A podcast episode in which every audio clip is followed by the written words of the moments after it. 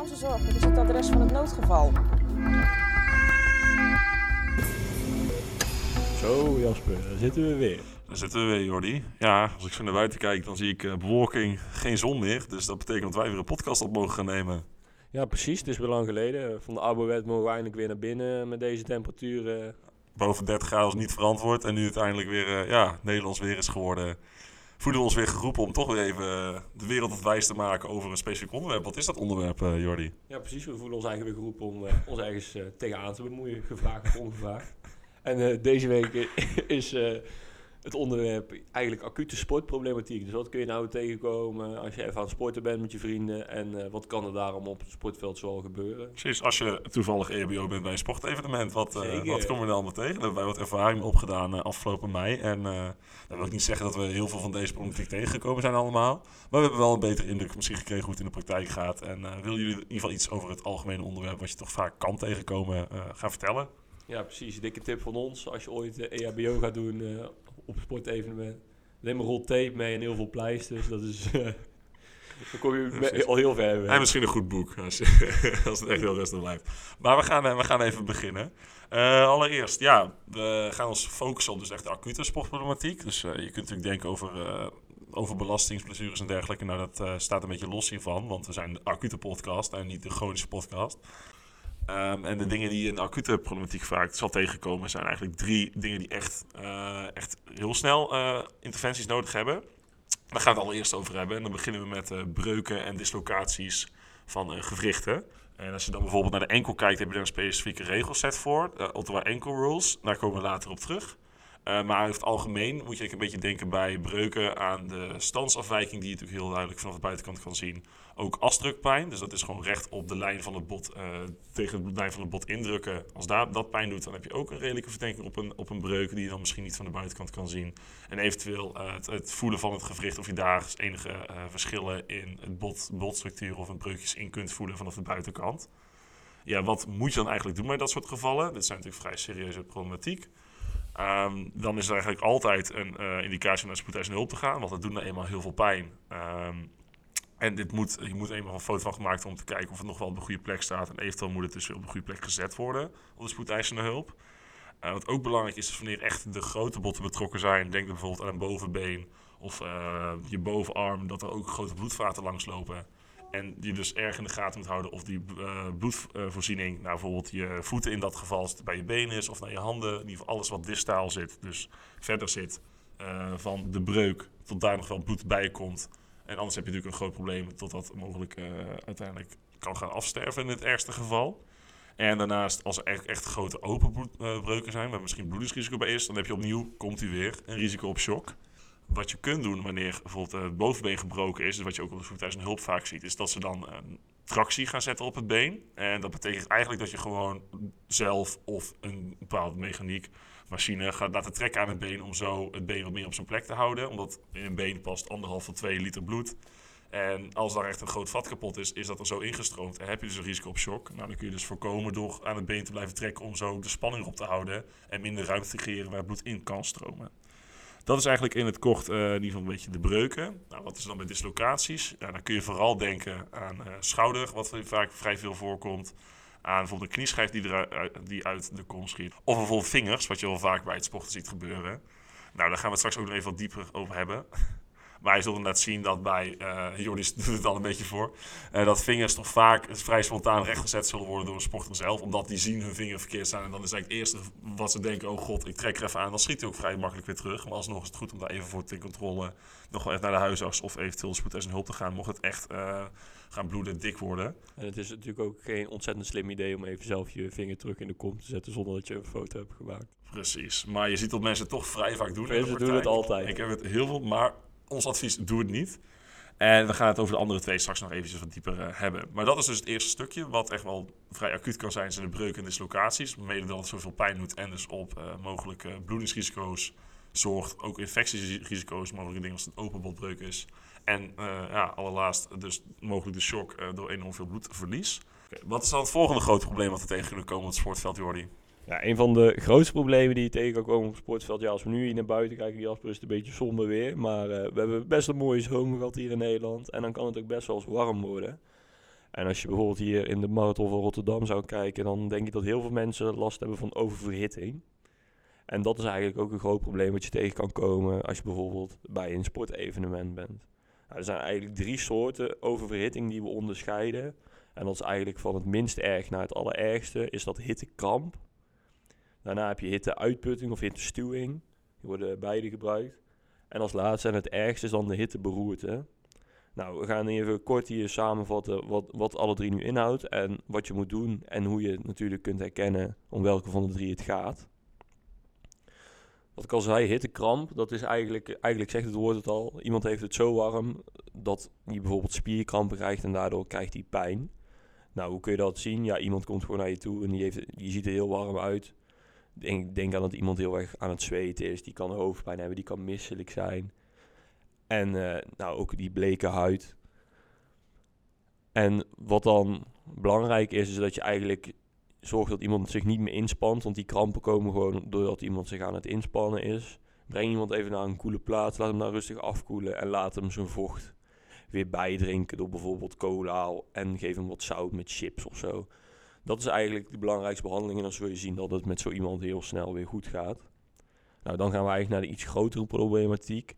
Dat is dan die hittestuwing. Dat is nummer 2 in onze trap van 3.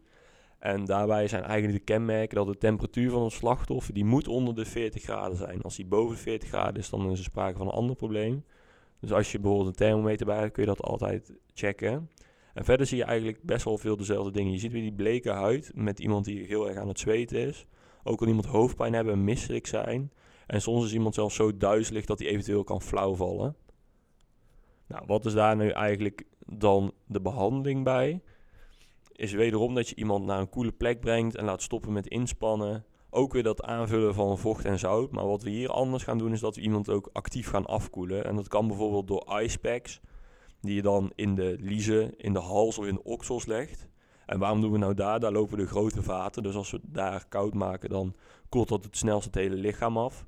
Maar denk ook, je kan ook iemand lekker wat koud water drinken geven en voor de ventilator zetten. Ik heb nog uh, laatst uh, verhaal van de ambulance meegekregen op de spoedeisende hulp. Toen hadden we ook iemand eh, met oververhitting. En die kwam helemaal in de zakken dopetjes uit de vriezer van thuis. En die werken ook heel goed als je iemand wil afkoelen. Dat heeft heel goed gewerkt. En dan als laatste komen we bij de hitteberoerte. Dit is echt wel iets uh, waar je heel erg alert op moet zijn en waar je ook eigenlijk meteen uh, professionele hulp bij wil. Dat is dus iemand met die temperatuur van boven de 40 graden als je hem zou meten. Soms zijn ze heel bleek en zijn ze hevig aan het transpireren, maar vaak heb je, hebben ze een droge en rode huid. Zijn ze eigenlijk gestopt met zweten. Wat je ook ziet bij deze mensen, dat er een bewustzijnsdaling kan zijn. Dus dat iemand niet meer goed tegen je terug kan praten, dat iemand een beetje verward overkomt. En soms uh, gaan ze heel bizar gedrag vertonen, dan worden ze heel plukkerig, gaan ze heel erg aan zichzelf plukken of gaan ze hele rare bewegingen maken. Ook zie je vaak dat iemand heel snel ademhaalt en als je naar de pols voelt, voel je meestal ook dat hij vrij snel is. Nou, waarom gebeurt dat nu? Doordat iemand zo heet is, gaan alle vaten openstaan om maar iemand zo goed mogelijk af te koelen, zodat al het bloed lekker langs de huid gaat, dat, dat het lekker af kan koelen. En daardoor zal het hart harder moeten werken om al het bloed weer rond te pompen. Omdat we anders, zoals Jasper al mooi heeft aangekondigd, last kunnen hebben van een shock. Daar is hij weer. Daar is hij weer, zeker. Ook kun je bij iemand convulsies zien, dus eigenlijk uh, trekkingen. Denk bijvoorbeeld aan iemand met epilepsie. Zulke trekkingen moet je je voorstellen. Dat kan ook komen van zo'n hitteberoerte. En als laatste, het allerergste, kan het voorkomen dat iemand in een reanimatiesetting komt door die hitteberoerte. Nou, wat doe je nu als je iemand verdenkt van zo'n hitteberoerte? Je moet meteen 112 bellen, want je wil eigenlijk zo snel mogelijk professionele hulp daar te plaatsen. Vooral als je bijvoorbeeld in zo'n uh, circulatiestilstand met een reanimatie komt. Dan wil je eigenlijk van tevoren al je ambulance gebeld hebben. We gaan iemand weer naar een koele plek brengen en we gaan uh, eigenlijk willen we het vocht en het zout weer aanvullen. Maar omdat iemand soms die bewustzijnsdaling heeft, vind ik dat best wel relatief. Want je moet wel opletten of iemand dan bijvoorbeeld veilig kan eten en drinken. Dus vaak moet het vocht aangevuld worden via een infuus door de ambulance. Dan gaan we agressief koelen. Dus dat is nog een stapje erger dan uh, dat we hebben gedaan uh, bij de hittestuwing. En wat betekent nu agressief koelen? Daarbij kun je denken aan dat we iemand gewoon in een bad met ijskoud water leggen. Dus echt in een ijsbad om iemand zo snel mogelijk, maar met die temperatuur naar beneden te krijgen. En daarna kunnen we ook bijvoorbeeld met een ventilator en natte dekens. Als je iemand in natte dekens wikkelt en een ventilator erop zet, dan koelt iemand ook heel snel af. Wat dan wel belangrijk is om te vermelden, dat je ook moet letten op dat je je patiënt niet gaat onderkoelen. Dus dat je het wel goed blijft monitoren, omdat het allemaal zo snel gaat, heb je soms uh, dat je juist je patiënt daarna in een onderkoeling helpt. En dat is natuurlijk niet de bedoeling. En wat is nu eigenlijk ja, de oorzaak van dit soort dingen, van die hitte beroerte en die hittestuwing, is eigenlijk celschade. Onze cellen die kunnen niet zo goed tegen warmte. Cellen zijn opgebouwd uit eiwitten en eigenlijk ons hele lichaam, uh, alle processen in ons lichaam rusten bijna op eiwitten. En bij een temperatuur van meer, meer dan 40 graden gaan die eiwitten kapot en dan kunnen de cellen ook kapot gaan. En als, je kan je voorstellen als de cellen van je organen kapot gaan, dat dan uiteindelijk ook je organen kunnen falen. En dat is dus eigenlijk wat we bij zo'n hitteberoerte wel eens kunnen zien. Wat ik wel laatst gehoord heb, wat eigenlijk wel heel grappig is en hier een beetje in past, is dat nou, je zou denken, waarom gaan we niet gewoon iedereen screenen op die hitteberoerte en alle stappen ervoor?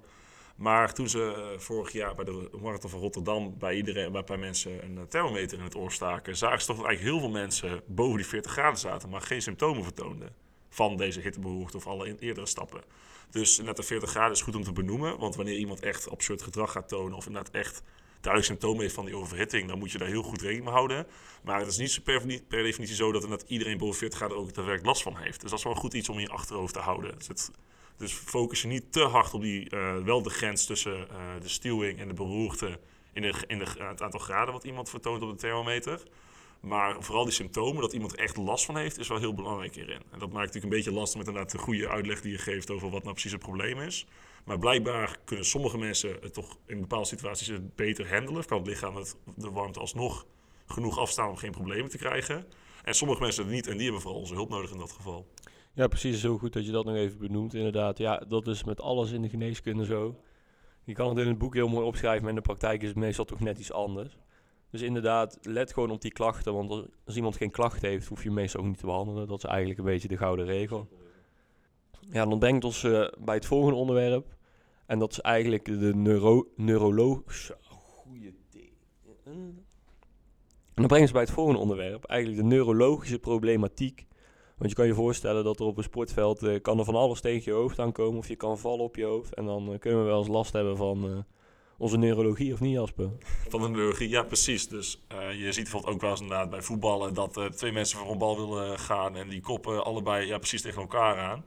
Nou, in dat geval is het toch best wel mogelijk een probleem met de hersenen qua hersenschudding. En dat is ook iets wat toch wel heel acuut uh, kan zijn in zo'n zo sportsituatie. Nou, wat gaan we daar specifiek mee doen? eigenlijk wil je vooral op dat moment gewoon even weten of iemand nog goede bewust, uh, goed bewustzijnsniveau heeft. En dan kun je bijvoorbeeld een vraag stellen of diegene nog weet welk seizoen het is, uh, waar diegene is. Ik ben die typische vragen die je moeder wel eens een keer ingesteld heeft toen je midden in de nacht wakker gemaakt werd nadat je die dag ergens tegen de muur aangelopen was. Uh, nou, waarom doen we dat eigenlijk? Nou, het, pro het, probleem kan zijn dat je daar dus uh, een vaatje in je hersenen geknapt is of iets dergelijks. In ieder geval echt een hersenschade op het moment ontstaat. En door even te checken of iemand uh, dan wel net nadat het gebeurd is of in de nacht uh, deze vraag kan beantwoorden, kun je een beetje inschatting maken of dus de hersenen nog goed werken. En mocht er nou dus diegene bij wie dat net gebeurd is, of de, die, diezelfde dag dat gebeurd is in de nacht, uh, dat niet kunnen beantwoorden, dan is het toch wel een serieus probleem gaande mogelijk. En dan wil je dus toch eventjes diegene en hulp brengen met vrij acute, acute rap tempo erin. Omdat dan mogelijk een hersenbloeding of iets dergelijks gaande kan zijn. Uh, dus dat is dan eigenlijk een vrij simpele screening om gewoon even te kijken: hey, uh, is op dit moment iemand nog bewust van waar diegene is? En blijft het ook wel herhalen in de tijd, omdat het mogelijk kan veranderen, omdat zo'n bloeding kan acuut ontstaan, maar niet acuut problemen geven. En dat is uh, hoe je dat het best even kan behandelen. Daarnaast is natuurlijk ook CWK, waar we in eerdere afleveringen over gemaakt hebben, kan mogelijk een probleem zijn. En daar kun je die aflevering even voor luisteren, even een kleine plug, om, om daar even wat meer opfrissing weer in te krijgen. Ja, inderdaad. En wat Jasper al mooi zegt, je kan bijvoorbeeld door zo'n klap een hersenbloeding krijgen. Wat je ook vaak ziet is dan de hersenschudding. Voor de meesten wel bekend. Dus heeft nou iemand bijvoorbeeld symptomen van hoofdpijn, misselijkheid... dan kun je best wel eens denken aan een hersenschudding. Nou, als je denkt, iemand hoeft nu niet acuut naar de spoedeisende hulp... laat dan even langs de huisarts gaan of langs de huisartsenpost. Die kan mooi uitsluiten of er sprake is van een hersenschudding... En die kan dan later ook daarop handelen. En dan zijn we eigenlijk door de drie belangrijkste pijlers heen van de echt uh, acute sportproblematiek. En dat zijn dus de breuken, dislocaties als één kopje. Daarnaast dus die oververhitting en als laatste neurologische problemen. En dan gaan we nu eigenlijk even over op de wat misschien meer uh, huis, tuin- en keukenproblemen die je kunt verwachten in een sport. En dan kun je dus denken aan de kneuzingen, of de officiële meeste termen contusie. Een verstuiking, waarvan je enkel zou je vast wel een keer gehad hebben. En dat noem je dan distorsie. Of iets als een verdraaiing, of uh, waarbij er wat meer schade ontstaat aan bijvoorbeeld spieren of de ligamentjes die er zitten, de bandjes. En dat noem je dan inversie en eversie. En nou, wat kunnen we dan een beetje algemeen daarmee doen als iemand bijvoorbeeld zijn enkel verstuikt, Jordi? Ja, precies. Ja, daar hebben we eigenlijk een algemene regel voor. Als iemand bijvoorbeeld zijn enkel heeft gekneusd of verstuikt of verdraaid, wat kun je dan even doen om en eigenlijk de schade te behandelen en om de pijn te verlichten voor de patiënt. En dat noemen we de RICE-regel. En uh, dat staat voor Rest, Ice, Compress en Elevate. Dus als eerste moeten we het aangedane lichaamsdeel, bijvoorbeeld de enkel in dit geval, rust geven. Want ja, het doet gewoon pijn, dus laat het gewoon even genezen. Dus, uh, en dat doen we eigenlijk door het te koelen met ijs. En dat doen we om de vochtophoping uh, te voorkomen. Want als we bijvoorbeeld koelen met ijs, dan zul je zien dat er in de vaten vasoconstrictie ontstaat. En dat er daardoor minder vocht naar het aangedane lichaamsdeel komt, dus dat het minder gaat zwellen. Daarnaast heb je ook compress, dus dat is het aanleggen van een drukverband. En dat is eigenlijk voor hetzelfde doel. Je voorkomt en de vochtophoping en omdat je strak verband om een enkel heen draait, zul je ook zien dat er minder beweging in zit en dat de patiënt er ook minder pijn aan heeft. En wat doen we als laatste? De elevate, het been omhoog. Wederom laten we het vocht weer lekker teruglopen het lichaam in en niet daar die enkel in. Nou, dat drukverband dat is dus eigenlijk uh, om dat vocht weg te krijgen. En ook uh, als pijnbehandeling. Want als iets nou eenmaal is ingepakt, je, je kunt het ook uh, beschrijven met gips bijvoorbeeld. Als iemand iets gebroken heeft en we gipsen het in, dan kan het niet meer bewegen en dan stopt de pijn ook. Het is heel erg pijnstillend en dat geldt hetzelfde voor een drukverband. En wat je nou ook nog uh, als bijkomend voordeel hebt, is als je bijvoorbeeld iemand met een drukverband ziet of je ziet iemand met een mitella lopen, dan denk je altijd, oh, wat heeft die, persoon, wat heeft die persoon? En dan zul je vaak zien dat ook omstanders niet per ongeluk tegen je aanstoten, dat soort dingen, wat ook pijn kan doen. Dus dat is uh, soms uh, wat nog wel eens helpt uh, om de omstanders op een klein afstandje te houden. Heel handig dat bijkomend voordeel. Um, nog even als laatste stukje. Um, nou, je ziet dus, ik zeker als ik ben een, actief sporter, zie je toch vaak dat dit soort dingen, bepaalde problemen voorkomen tijdens bijvoorbeeld een sportwedstrijd of tijdens trainingen.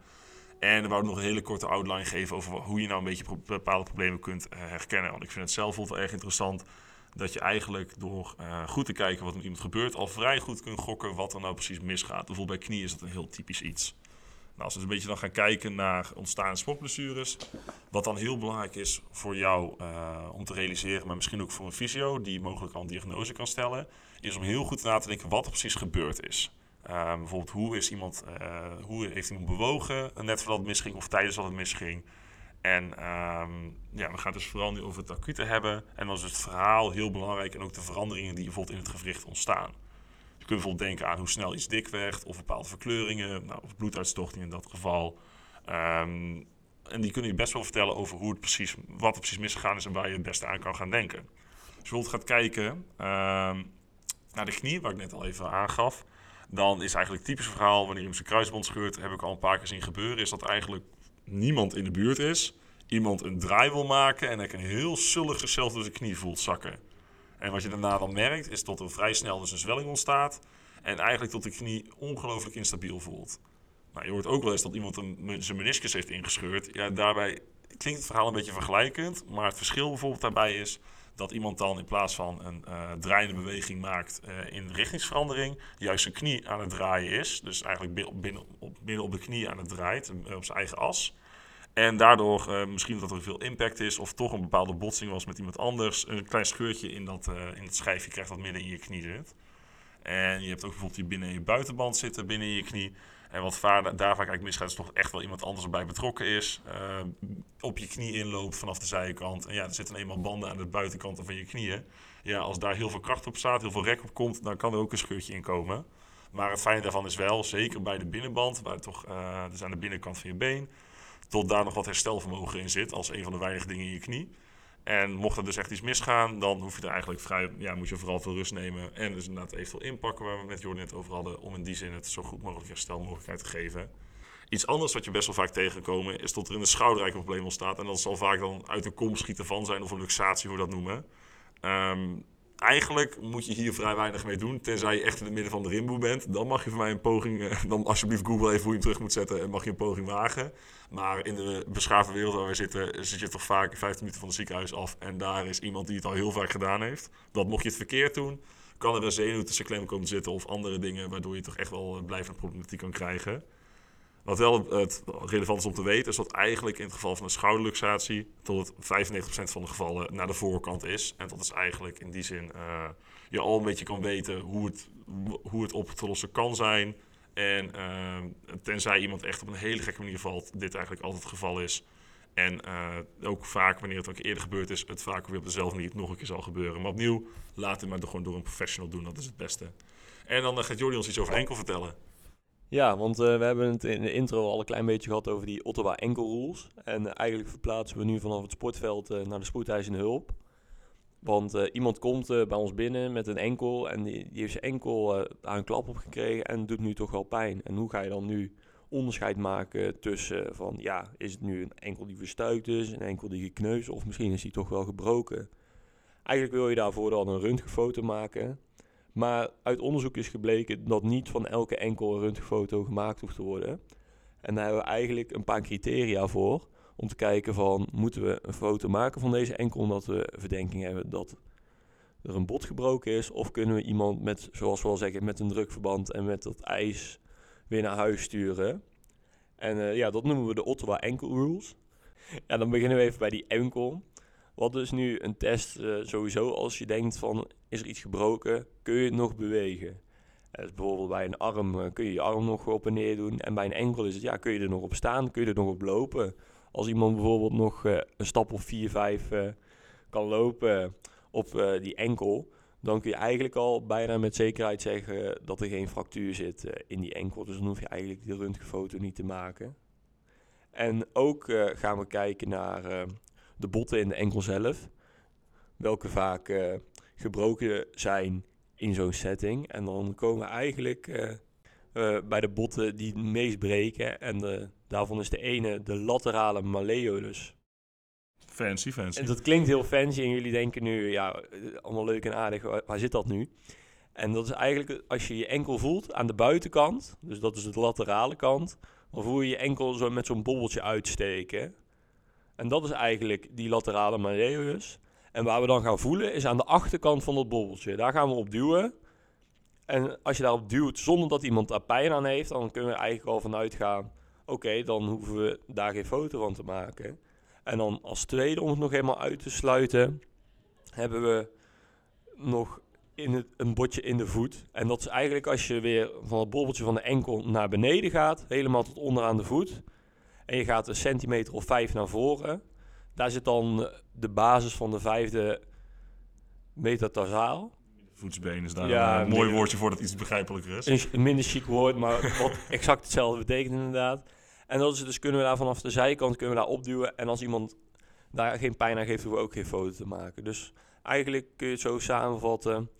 Je laat iemand eerst lopen, lukt dat niet, dan ga je daar boven aan die voet voelen. Dus aan het knobbeltje van de enkel. Heeft hij daar geen pijn, dan eh, gaan we daar lager aan de voet voelen. En als je op één van deze testen positief scoort, dat je bijvoorbeeld pijn hebt als je duwt of dat iemand niet kan lopen, dan is een indicatie om een foto te maken van die enkel. Nou hebben we het eigenlijk ook nog hetzelfde als die foto om van een voet een foto te maken. En dat is eigenlijk, eh, nou, eerst weer die paar stappen lopen. En dan gaan we voelen aan de binnenkant van de enkel. Aan de binnenkant heb je ook zo'n mooi bobbeltje zitten. De mediale malleus. En daar gaan we weer aan de achterkant duwen. En als daar weer geen pijn is, dan kunnen we ook nog weer iets verder richting de voet zelf. En dat is, dan eh, is de navicularis. Dus dat is eigenlijk weer hetzelfde principe. Aan de zijkant van de voet en iets verder naar voren. Dit is wederom weer perfect om uit te leggen op een podcast. Dus Google vooral een plaatje als je Zeker geïnteresseerd zeker bent. Ottawa Enkel Rules. En als je daar weer op een van die eh, punten positief scoort, heb je een indicatie om een foto te maken van die enkel. Nou, grappig genoeg hebben we bij het EBO, eh, het sportevenement waar we waren, hebben we dit al een paar keer kunnen toepassen. Want je ziet toch wel ja, op het sportveld dat vrij vaak enkel botsing zijn. Of iemand valt op iemands enkel of iemand gaat op zijn enkel. En dit is eigenlijk wel een regel die ik toch kan aanraden, die zo makkelijk kan toepassen. Want hiermee kun je dus inderdaad de benodigdheid om naar het ziekenhuis te gaan, eigenlijk uitsluiten voor iemand op het sportveld. Ja, precies. En dat is natuurlijk wel fijn als je iemand eh, niet naar een spoedeisende hulp hoeft te sturen. Want ja, op een spoedeisende hulp gebeurt heel veel dingen. En als het soms heel druk is, dan duurt het wel eens heel lang voordat de foto van een enkel eh, gemaakt kan worden. Dus als je dat eh, op het sportveld al kan voorkomen, dat is dat altijd heel mooi meegenomen.